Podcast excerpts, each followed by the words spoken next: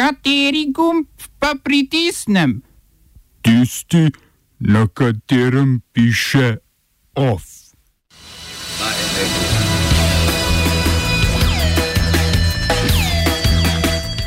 Kneset razpuščen, Izraelu se obetajo četrte parlamentarne volitve v dveh letih. Vladimir Putin uzakonil dosmrtno imuniteto ruskih predsednikov. Po Veliki Britaniji nova različica koronavirusa tudi v Južni Afriki. Ustavno sodišče vladi naložilo začetek izvajanja programov za otroke s posebnimi potrebami. V kulturnih novicah vesele praznike nevladnikom, donacije in skladi.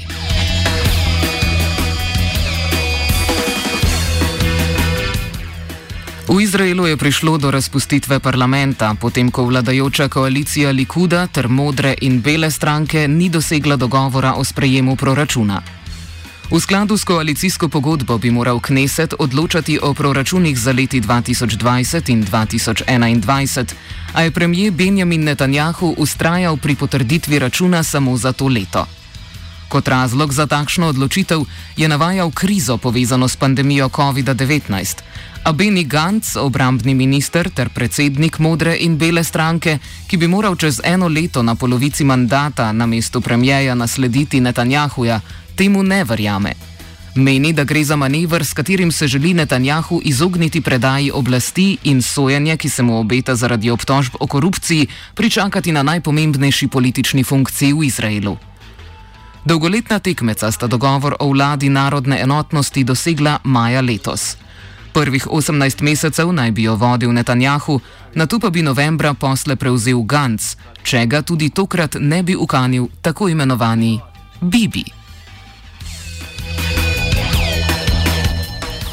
Da bi se Izrael izognil še večji politični krizi, je vlada kot nadomestek proračuna potrdila finančni načrt. Predčasne volitve, že četrte v dveh letih, bodo predvidoma 23. marca.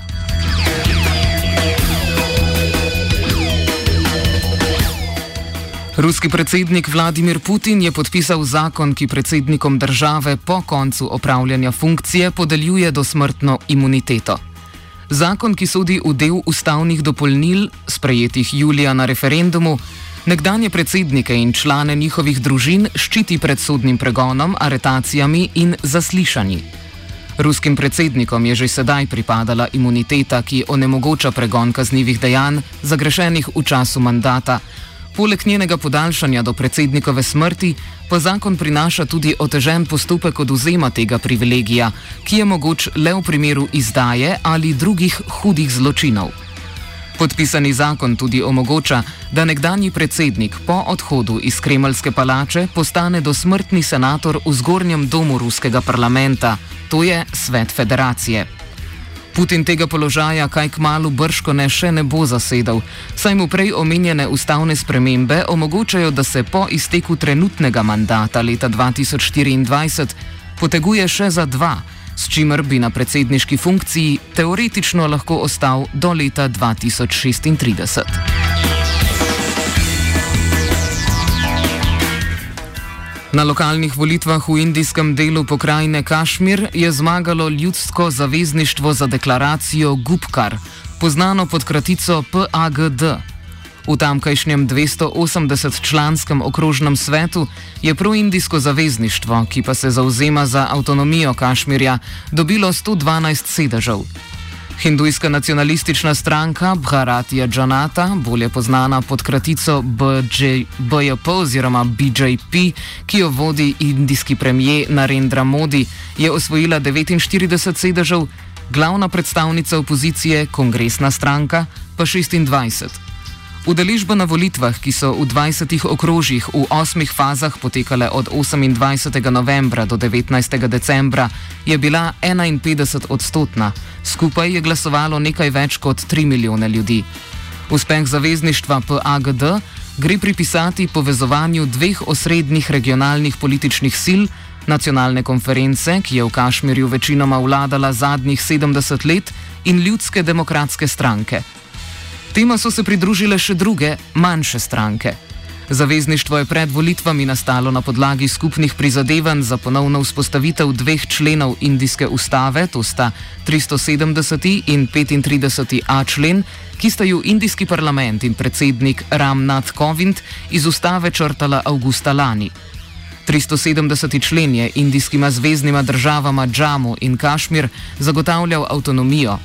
35a pa je lokalni vladi podeljeval pristojnost vodenja evidence o tem, kdo ima v zvezdni državi stalno prebivališče.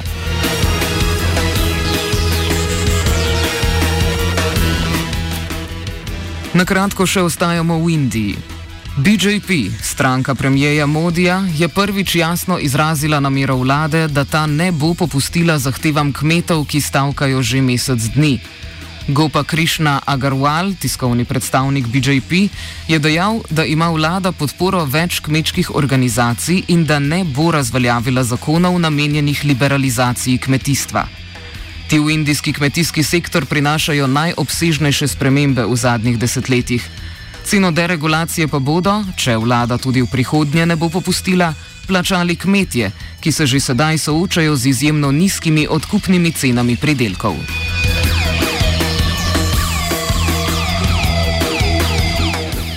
V sudanski prestolnici Khartoum so se včeraj začeli dvodnevni pogovori o določanju sudansko-etiopske meje.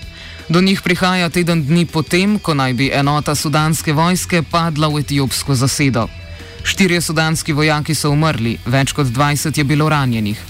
Kot je povedal etiopski zunanji minister in podpredsednik vlade Demeke Mekonan, nedavno nasilje ne odraža sicer prijateljskih vezi med državama, hkrati pa se je zauzel za reševanje obmejnih sporov v okviru obstoječih mehanizmov.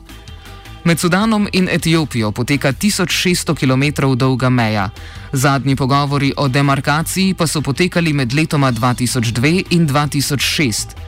Med najbolj problematične dele sodi 250 km2 velik rodovitni pas zemlje, ki ga po večini obdelujejo etiopski kmetje, čeprav ga ima Sudan za del svojega ozemlja.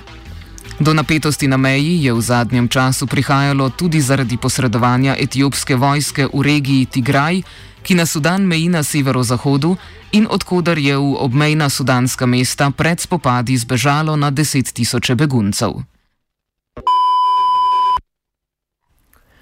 V Južnoafriški republiki, ki je trenutno sredi drugega vala COVID-19, se je pojavil nov različek virusa SARS-CoV-2.